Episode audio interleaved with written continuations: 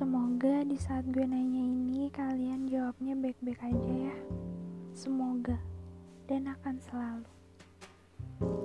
Sebenarnya random banget sih gue bikin podcast ini. Bahkan gue record pas gue lagi enak badan. Gak tau kenapa pas gue lagi scroll TikTok tiba-tiba di FYP gue nongol tentang toxic relationship dan gue pengen ngebahas ini karena gue pun pernah pernah ngerasain ada di hubungan yang toksik banget. Entah di pertemanan di percintaan atau bahkan di ya lingkungan terdekat gue lah. Toksik itu sebenarnya yang gimana ya?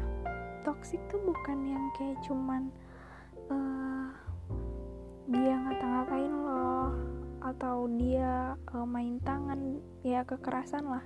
Gak cuma tentang itu aja. Bahkan kayak uh, apa pun masalahnya bahkan sekalipun dia yang salah dia nggak bakal mau ngaku salah. Dan dia bakal tetap kekeh sama pendapatnya dia kalau dia nggak salah. Dengan singkat lo yang salah gue yang benar. Bukan lagi soal uh, kita cari ma kita cari uh, solusinya bareng-bareng tapi ya kayak tadi lo yang salah gue yang benar. Gak mau buat saling ngerti satu sama lain.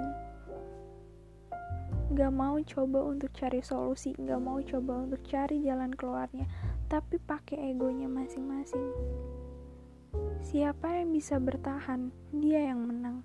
Siapa yang paling bisa mempertahankan pendapatnya? Dia yang menang. Bukan lagi uh, soal memaafkan tapi jadi justru ya udah gue nggak mau berantem. Gue nggak mau uh, jadi kesel sendiri emosi sendiri mendingan gue ngalah. Bukan lagi emang bener-bener pure maafin gitu.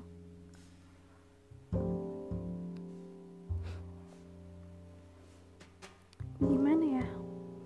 Gue sebenarnya bingung sih sama orang-orang yang bertahan di hubungan yang sebenarnya tuh udah racun banget. Dia bukan itu dua-duanya sebenarnya sama-sama saling nyakitin. Sama-sama sakit tapi sama-sama bertahan. Bertahan sama rasa sakitnya. Gue pernah tahu di hubungan yang kayak gitu. Yang di mana masa lalu gue ini uh, awalnya baik-baik aja tapi lama-lama kayak uh, ngekang gue untuk gak main sama si ini gak main sama si itu sampai akhirnya karena gue ngerasa oh uh, masa lalu gue ini sayang sama gue dicemburu sama gue oke okay, gue ikutin mau dia. Sampai gue benar-benar gak punya teman lagi dan ke mana-mana gue selalu sama dia tapi ujung-ujungnya dia juga yang nyakitin gue. Dengan cara gue nggak kalau gue punya masalah gue nggak bisa cerita sama siapa pun. Kadang bahkan gue cerita sama dia pun dia nggak ngasih dia nggak ngasih respon yang baik gitu jangankan ngerespon kayak ngedengerin gue aja belum tentu. Dan ada juga yang di mana gue suka gue K-popers gue k-dramas dan di mana hari-hari gue dipenuhi dengan uh, fan girl yang gue sering upload bias gue gue sering uh, upload drama yang gue tonton. Dan uh, masa lalu gue ini selalu ngomong apa sih K-popan terus?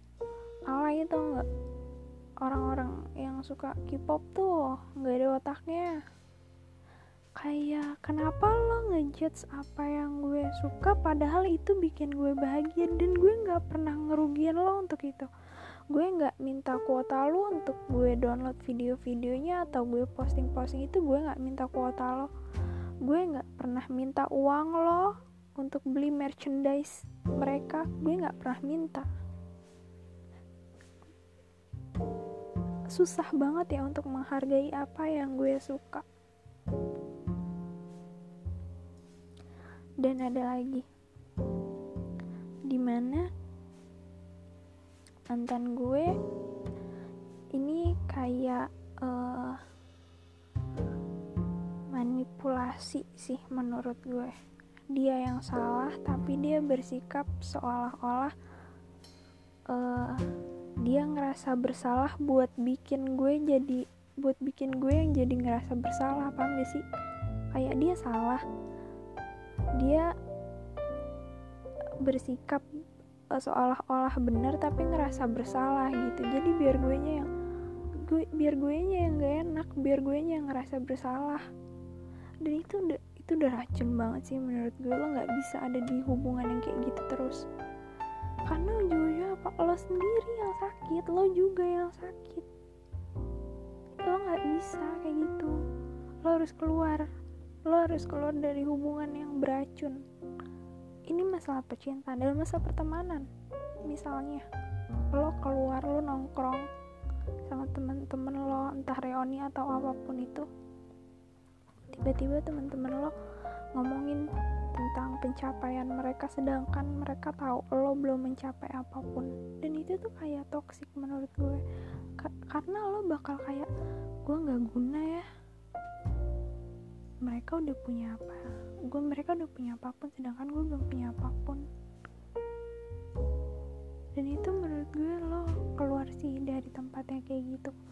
Apa pun kalau lo ngerasa itu nyakitin diri lo lo jauhin.